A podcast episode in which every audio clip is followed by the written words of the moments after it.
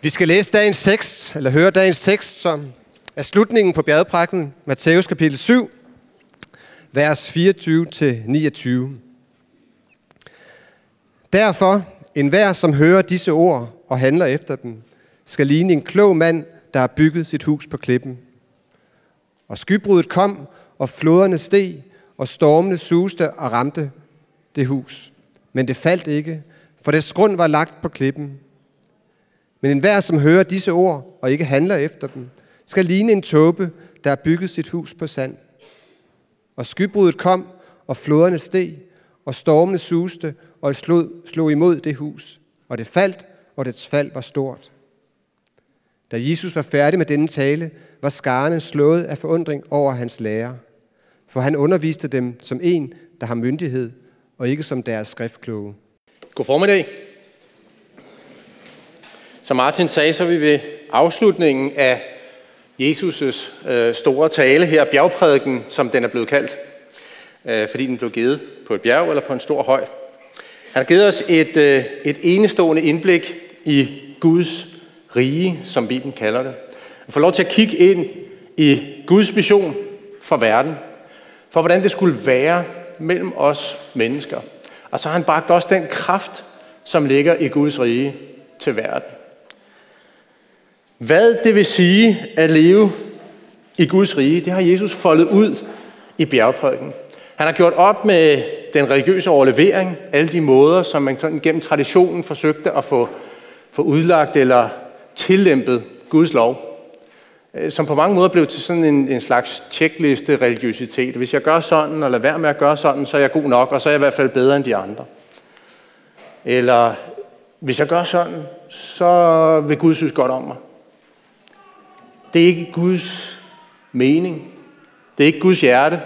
Og det var det, Jesus kom for at vise. Og han gjorde det på en særlig måde gennem bjergprædiken. Han underviste på en måde, som der står til sidst i teksten her, med autoritet. Så, så det, det gjorde noget ved folks hjerter. Det var ikke bare sådan øh, en oplistning af regler. Men det var noget med autoritet. Det var noget, som talte til hjertet. Der var en sandhed, der var et indblik i en kraft og en virkelighed, som ikke var denne her verden. Og det fornemmede mange. Og derfor lyttede de til ham. Og det fik fantastisk betydning for dem.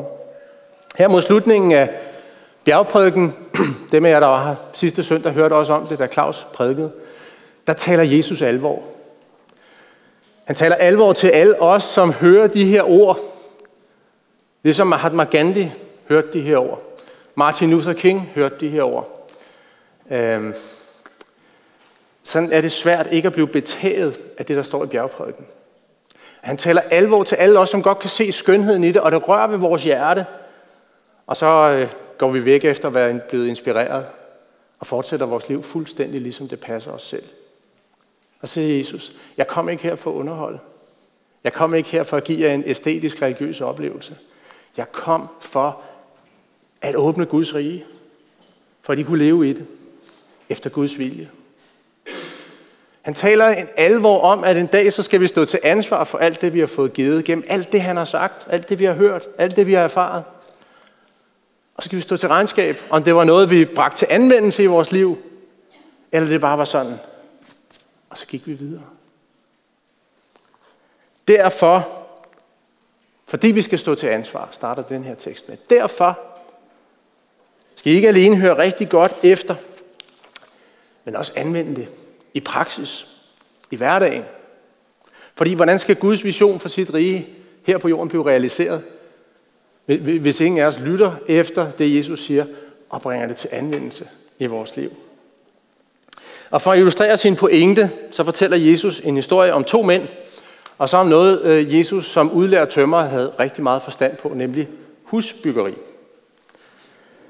Den historie, den skal vi dykke ned i. Hvad er det, Jesus mener? Hvad betyder det for os? Og hvordan kan vi få lov til at opleve, at vi får bygget et solidt hus på klippen i vores liv, med vores liv? Jeg ved ikke, om øh, du er vant til at gå til gudstjeneste, om du kender meget af det her med kristendom, eller om du er søgende, øh, og det her det er måske sådan en visit. Men jeg tror, at selvom at Jesus egentlig talte det her til sine disciple, dem der allerede troede på ham, så er der noget i den her tekst til enhver. Derfor, siger Jesus, enhver. Og der står faktisk i teksten, enhver som helst. For at sige, det her det er altså for hvem som helst. Jesus siger det her. Lad os bede sammen. Kære Jesus Kristus, du kender enhver, enhver her. Du kender hver en af os. Du ved, hvad vi møder ind med. Du ved, hvor vi er i livet. Og jeg beder dig om, at du må tale til os der, hvor vi er. Jeg beder dig, Helligånd, om, at du må komme og opflamme de hjerter, hvor du allerede bor. Og gå ind i de hjerter, hvor du endnu ikke bor, men gerne vil bo. Gennem de ord og gennem dine påmindelser og gennem din måde at operere på, som går over enhver forstand og enhver menneskelig visdom. Det beder jeg dig om dit eget navn. Amen.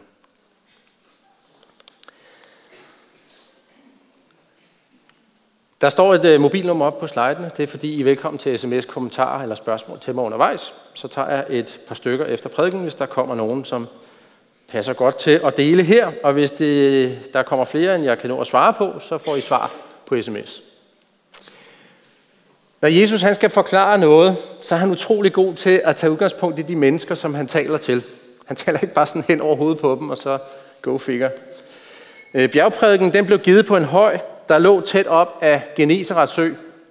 Og det, øh, det her område omkring Geneserets sø, det var sådan, at om vinteren, hvor det var lidt køligere, så var der masser af vand. og så var der også en bifloder, der blev fyldt op. Men i, men i, øh, i sommerens tørke, så tørrede mange, mange af de her bifloder ud. Så var der sådan udtørret flodsenge rundt omkring. Og det var noget, det Jesus vidste, at hans tilhører godt kendte til, og derfor tog han udgangspunkt i det. Man kan sige, at hvis man ser sådan en udtørret flodseng, som ligger lavt, så kunne det være fristende at bygge sit hus der. Det vil jo være relativt nemt. Der er jo ikke sådan noget med, at man skal til at op og klatre. Op ad højen eller op på bjerget, hvor jorden er ujævn, og det er hårdt at arbejde med grunden. Men enhver galileer på det tidspunkt vil vide, at det er, altså, det er jo fuldstændig galimatias at bygge sit hus på sand på en udtørret flodseng. Man skulle være meget udmodtagelig for simpelthen basal viden for at bygge sit hus på flodsengen. Det eneste fornuftige, det er faktisk at gøre det besværlige, men mulige arbejde med at gå længere op og bygge det på klippen. Sådan så når vandet kommer igen om vinteren, så er man i sikkerhed. Kun sådan kan huset bestå, når vejret skifter og stormene kommer. Og stormen kommer. Før eller siden. Hvad er det, Jesus vil sige? Det var det første spørgsmål. Hvad er det, Jesus vil sige? Vi behøver ikke at gætte. Fordi Jesus er også så venlig, at han udlægger teksten for os her. Den kloge mand, der bygger på klippen, det er billedet på dem, der hører, hvad Jesus siger, og handler efter det. Lad det få konsekvenser for, for tankegang, for konkrete beslutninger i hverdagen og for handlinger. Den tåbelige, der bygger på sand, er et billede på dem, som, som hører, hvad Jesus siger. Måske bliver betaget af det. Måske endda er enige. Man siger, det, det er rigtigt det her. Jeg bliver tiltrukket af den her skønhed. Jeg tænker, det vil være fantastisk. Som, så, sådan som både Martin Luther King og Gandhi har mange tilhængere, som synes, at ikke øh, vold og ikke gengældelse, det er en super ting. Men hvordan er det lige derhjemme og på arbejdspladsen og i politik? Huset er et billede på livet. Det hus, der er bygget på klippen, det består. Det hus, der er bygget på sand, der hvor man bare tager det som inspiration og ikke handler efter det, det falder. Og dets fald er stort, siger Jesus. Ultimativt stort.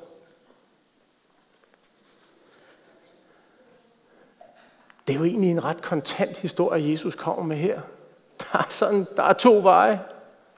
Det er ikke svært at forstå moralen i det her, og man kan godt spørge sig selv, om det er sådan en retorik eller en skræmmetaktik, Jesus han vil bruge for, nu, nu skal I simpelthen høre efter, hvad det er, jeg siger, så nu skruer jeg lidt op for retorikken, lidt op for varmen, så de kan blive bange og gøre, hvad jeg siger. Hvem vil være den dumme? Eller hvem vil udslettes? Der er én faktor, der afgør, om det Jesus siger her, det er bare retorik. og skræmmetaktik, eller om det er omsorg, om det er kærlighed. Der er én faktor, der afgør det, og det er, kommer stormene. Kommer stormene. Er det noget virkeligt? For hvis stormene kommer, både stormene og skybruddet og floden, så er det ikke mere retorik eller skræmmekampagne, end det, jeg udsatte min søn for for efterhånden en del år siden. Da han var på vej ned af Nyvej i Græsted med 25 km i timen på et løbehjul ned mod Græsted Hovedgade, hvor Johnny og Brian kører rundt i deres GTI'er. Alt for hurtigt og borede EU-klander, og jeg råbte, stop! Var det retorik? Var det skræmmekampagne? Eller var det en fars kærlighed? Kommer stormene? Bibelen taler både om storme med lille s og om stormen med stort S. Vi kender alle, tror jeg, til storme med lille s, fordi livet er fuldt af det. Jeg hørte en formulere det på den her måde. Du befinder dig altid enten i en storm, eller efter en storm, eller før en storm. Fordi livet er fuldt af storme, fuldt af kriser, fuldt af konflikt, fuld af lidelser, fuld af skuffelser, fuld af ting, som går os imod. Livet er fuld af små storme. Stormene kommer, og når de kommer i det her liv, så er det afgørende, om dit livs hus er bygget på en klippe, der ikke kan rokkes, ikke kan ødelægges og ikke kan skylles væk. Eller om dit livs hus er bygget på sand, så du bliver skyllet væk af enhver lille storm, der kommer. Jesus siger, byg dit hus på klippen. Byg dit liv på mig og mine ord. Byg dit liv i overensstemmelse med det budskab, det evangelium, det gode budskab, jeg er kommet med. Så kan du gennemruskes og gennemblødes og gennemrystes. Men dit livs hus vil stå. Det vil jeg sørge for, siger Jesus. Det kan godt se ud for andre, som om du er skyllet væk, men jeg vil sørge for, at dit livs hus består. For det kan jeg. Det er sandt. Den her tekst kan godt bruges på livets små storme, det jeg lige sagde, det er sandt, og måske er det det, du har brug for at høre i dag. Men jeg tror faktisk ikke, det er hovedpointen med det, Jesus siger her. Jeg tror ud fra sammenhæng, at Jesus taler om den store storm. Med stort S. The perfect storm. Guds storm. Den storm, som skal teste vores livs huse ultimativt. Og fjerner alt, hvad der ikke kommer fra Gud. Og Bibelen fortæller os, og jeg tror, et hvert menneskes sjæl fortæller dig, at den storm kommer, den prøve kommer, den dag, hvor du skal stå til ansvar. Hvad enten du er kristen eller ej, så tror jeg faktisk, at du i dybet af dit sjæl har en overbevisning om, at du skal stå til regnskab og til ansvar for dit liv. Det er ikke sådan lige at dræbe den følelse. Men Bibelen fortæller os det i hvert fald. Jesus siger det, derfor tror jeg det. Der er en storm, der venter os alle. Guds storm. Han vil se alt, han vil dømme retfærdigt. Og alt i dit liv, som ikke kommer fra ham, det vil han udslette. Alt i dit liv, som kommer fra ham, vil bestå for evigt. For nogen vil det betyde, at hele deres liv bliver skyllet bort. Bliver glemt. Uden betydning. Som en drøm, når man vågner, når man står op, ringeagter man dens billede. Står der i salme 73. Byg dit hus på sand. Lad være med at lytte til, hvad Jesus siger, eller hvad man gør efter det, dit hus vil være bygget på sand. Og dit liv vil have mening her på jorden. Og der kan være masser af skønhed og godt i det på grund af Guds rige nåde og velsignelse. Men bottom line, uden mening, som en drøm. For andre vil det betyde, at Gud han vil rense alt det ud, som ikke kom fra ham, men så vil han også genkende sit værk i dig. Alt det, som er født af tro på ham, tillid til det, Kristus er har gjort. Alt det, som er født ud af Guds kærlighed, som er udgivet i dit hjerte. Og han vil kendes ved det. Og det vil bestå. For alt det, Gud har bygget op ved troen, også i dit liv, det er fuldkomment. Det er fuldkomment. Det er som et hus, der er bygget på klippen. Det kan tåle selv det hårdeste hus eftersyn, der nogensinde er udført i tilværelsen. Guds hus eftersyn. Der er altså ikke noget, vi kan skjule der bag ved en præsending. Det kan modstå selv Guds perfekte storm, fordi det er Gud selv, der har bygget det. Og det er det eneste, der kan bestå for Guds storm. Det er det, Gud selv har bygget.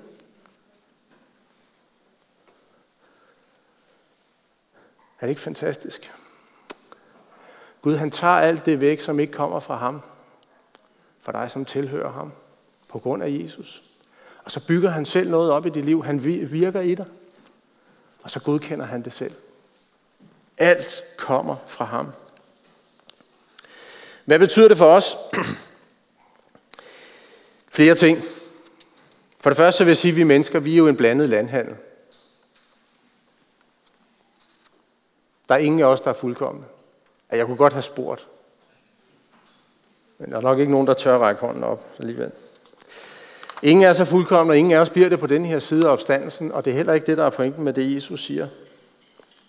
Men for den, som tror på Jesus og gerne vil kalde sig en kristen, er det her en påmindelse om, at, at Gud han har født noget i dit hjerte. Han har født en ny ånd, en ny kraft, en ny naturlov, og han ønsker, at den kraft, den naturlov, den vilje, den kærlighed, den skal komme til udtryk, udtryk undskyld, og udfoldelse i hele dit liv.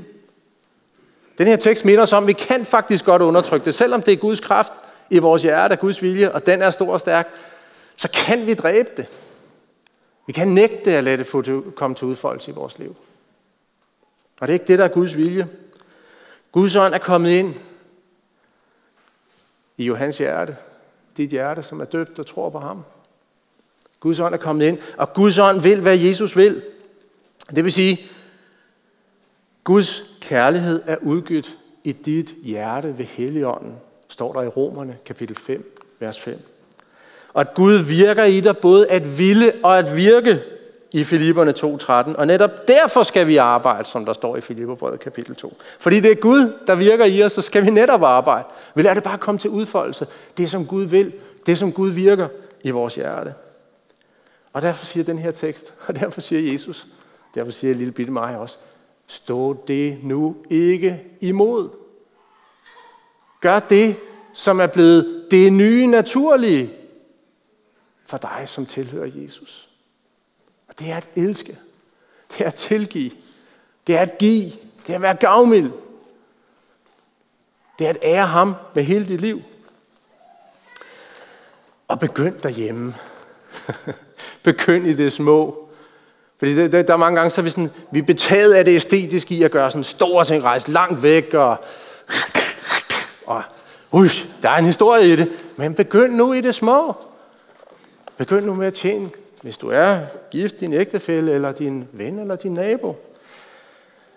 Lad være med at gøre som Tolstoy, en af verdenshistoriens største forfattere, øh, som øh, især blev vagt af bjergprædiken faktisk, og forsøgte at leve hele sit liv i overensstemmelse med det. Og på nogle områder i det ydre lykkedes ret godt med det at give en masse ejendom bort og tjene de bønder, der var på hans øh, ejendom osv. Men øh, hans kone skrev om ham, og det, jeg ved ikke, om det er ægteskabelig bagtagelse eller hvad det er, men, men det isnede i mig, da jeg læste det her.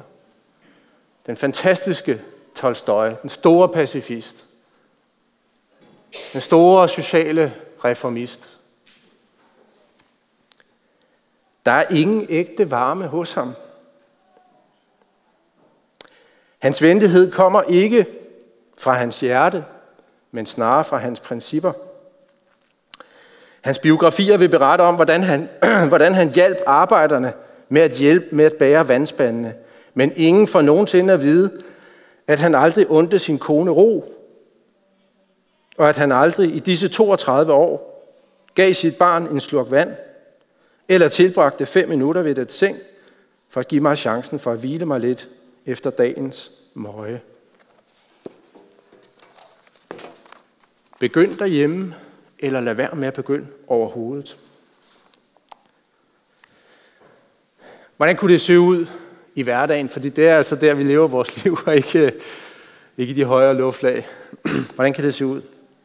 Du har en kollega, som jeg var lige ved at sige er et dumt svin, men det må man ikke sige heroppefra. Så jeg vil bare nøjes med at sige, du har en kollega, som er en person med en udfordret social kompetence. Og dit gamle medfødte jeg vil have, at retfærdigheden skal fyldes. Og det er simpelthen så nemt at bagtale hende, fordi det gør alle de andre også. Isolere hende. Det vil være retfærdigt. Men hvad siger Kristus i dig og i bjergprædiken? Jeg siger jer, elsk jeres fjender, bed for dem, der forfølger jer, for at I må være min himmelske fars børn. Jeres himmelske fars børn. Spørgsmålet er, hvilken kraft og magt vil du lade komme til udfoldelse i dit liv? Det gamle naturlige jeg, eller det nye naturlige jeg? Et andet eksempel. Du er sådan en, der har travlt. Altid. Du har et krævende arbejde, som andre også sådan ser op til, og synes er spændende, når man sidder til middagsselskabet og fortæller om. Du oplever, at, at, at det indebærer, ligesom når man har sådan en vigtig position, at så må man altid være på, klar til at besvare e-mails. Du har også fået sådan et omdømme om, at always on. Du ved godt, og du har en fornemmelse af, at det nok går ud over din relation til Gud, fordi det hele bliver altså en lille bit smule overfladisk, når man hele tiden har den der bosser på sine e-mails og får mange af dem. Det går nok også ud over lidt dit forhold til din ægtefælle og jeres børn. Men det er jo den pris, man må betale for et vigtigt job. Og du sørger for, at de får en masse ting. Hvad gør du? Adlyder du chefen? Eller retter frygten for chefen? Eller retter frygten for at miste chefens og andre menneskers anerkendelse? Er det den frygt, du adlyder? Eller lytter du til Kristus i dig, som i bjergprædiken har sagt, samt dig ikke skatte på jorden, samt der skatte i himlen, hvor møl og rust og forgængelighed ikke kan nå dem. For hvor din skat er, der vil dit hjerte også være. Det er jo nemt at svare på det spørgsmål, ikke? Men lad være med at svare for hurtigt. Og stol ikke blindt på din bedømmelse af dig selv, om hvad der er realiteten i dit liv. Spørg nogle andre. Spørg din ægtefælle, hvis du er gift. Eller spørg din ven. For du kan lyve med din mund. Du kan endda lyve for dig selv.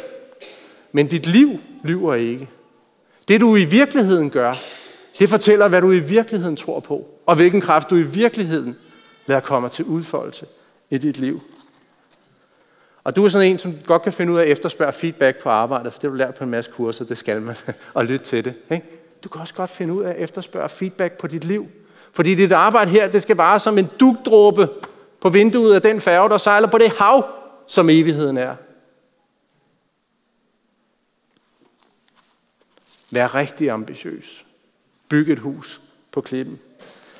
Og jeg ved godt, hvor svært det her er, men kunne vi prøve at rykke sammen som mennesker i vores atomiserede liv, så som man faktisk fik en chance for at kigge ind på hinandens liv, som det virkelig er.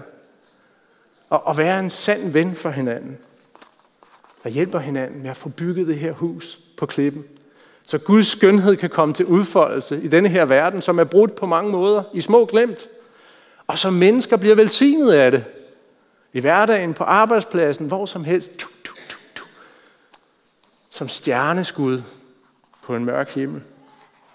Et tredje eksempel. Gennem din mobil har du adgang til at se alverdens vidunder. Heriblandt det største Gud har skabt, kvinden. Ikke? Masser af dem. Nøgne. I interessante positioner. Og dit gamle jeg er ikke bare nysgerrig, et naturligt nysgerrig, det er lystent. Lytter du til dit gamle jeg? Eller lytter du til Kristus i dig? Som i bjergprædiken siger, en hver, som kaster et lysten blik på en andens hustru, har allerede begået ægteskabsbrud med hende i sit hjerte. Så hvis dit højre øje bringer dig til fald, så riv det ud og kast det fra dig. For du er bedre tjent med, at et af dine lemmer går fortabt, end med at hele dit leme kastes i helvede, fordi du har bygget dit hus på sand. Hvad gør du? Hvilken stemme adlyder du? Hvilken kraft lader du komme til udfoldelse i dit liv? Sidste eksempel i den her omgang, men vi kunne blive ved. Og det kan vi selv gøre, når vi går herfra. Din ægtefælle har været der utro, ikke bare på mobilen, men også sådan helt konkret. Og det er mange år siden, og I har været til rådgivning sammen. Og han har faktisk gjort alt det, som du og rådgiverne han blev enige om, at han skulle gøre. Og han har vist al god vilje. Og du ved godt, at du skal tilgive, men hver gang tingene virkelig spidser til, så bliver den lige høvet op af kassen igen. Og så kan du se, hvordan han, han krymper foran dine øjne. Du ved godt, hvad der er det rigtige, men du føler, at du ikke helt kan tilgive. Og en af dine venner synes faktisk også, det er helt fair. Men hvad siger Kristus i dig? I bjergprædiken. Tilgiver I mennesker jeres overtrædelser, vil jeres himmelske far også tilgive jer.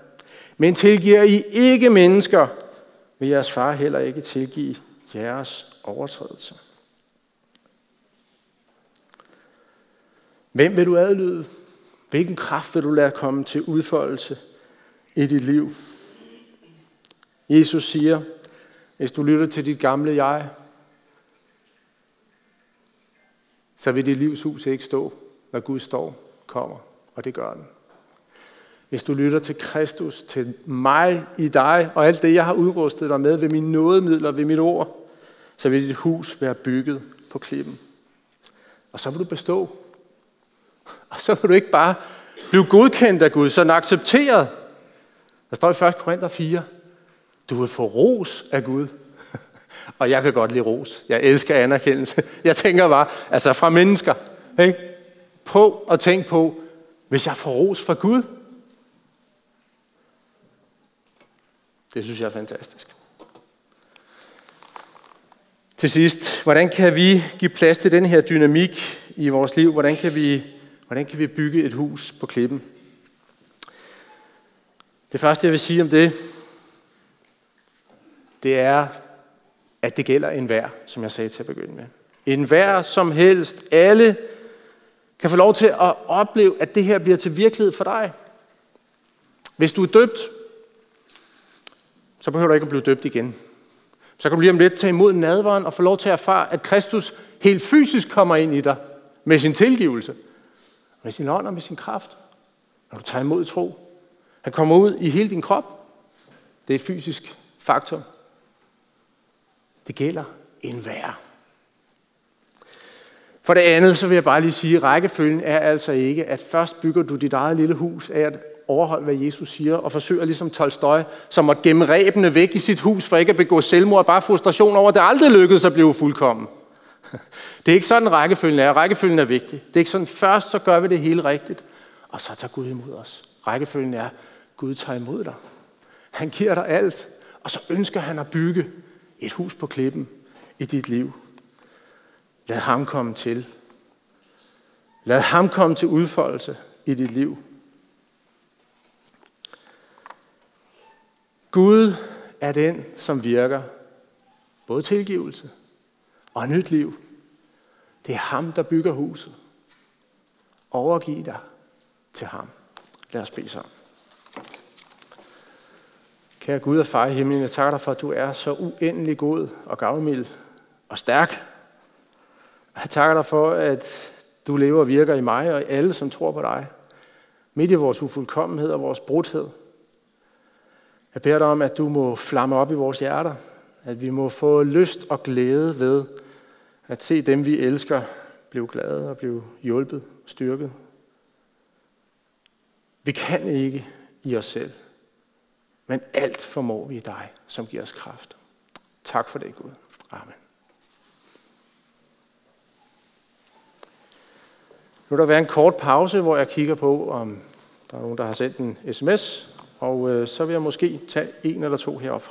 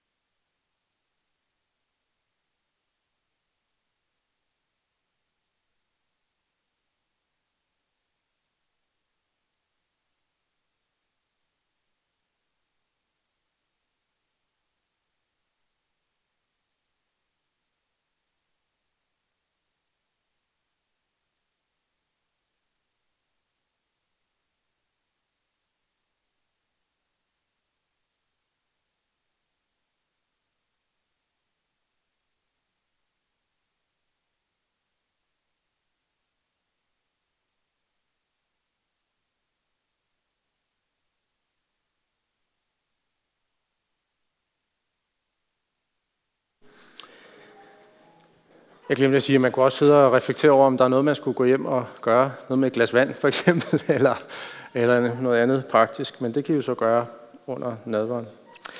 Øh, jeg har fået nogle spørgsmål, som er rigtig svære. Jeg skal forsøge at svare kort, og så må du følge op. Men det bliver det format her. Hvad er det, vi især skal handle efter? Hvile i Guds nåde som et Guds barn, eller udleve Guds nåde som en Jesu disciple? Og mit modspørgsmål det er, hvorfor er der en modsætning? For mig at se, så kan vi ikke engang forstå, hvem Gud er, hvis vi ikke også forstår hans gode vilje, og forstår, hvorfor det er, hans nåde kommer til.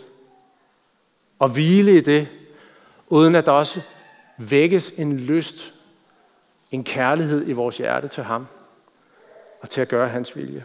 For mig at se, så hænger de to ting sammen. Og så er der en anden, som skriver, at, øh, jeg refererer det kort, at bjergprædikens krav kan virke uoverskuelige og ufremkommelige for os. Og jeg vil bare sige, et billede, som jeg fik, som jeg ikke tog med, det er bjergprædiken for mig at se, det er Nordstjernen. Jeg ved godt, at vi aldrig når helt derhen, men det giver os en retning i livet, som, som afspejler noget af Guds skønhed, Guds gode vilje, det som vi oprindeligt var skabt til, og som bliver til velsignelse for andre mennesker. Så lad være med bare at bruge bjergprædiken som sådan en, der skal vise mig, når jeg er en synder, så jeg har brug for Guds tilgivelse. Gud mente det. Jesus mener det. Brug det som en nordstjerne i dit liv. På basis af alt det, Jesus har gjort for dig. God kamp.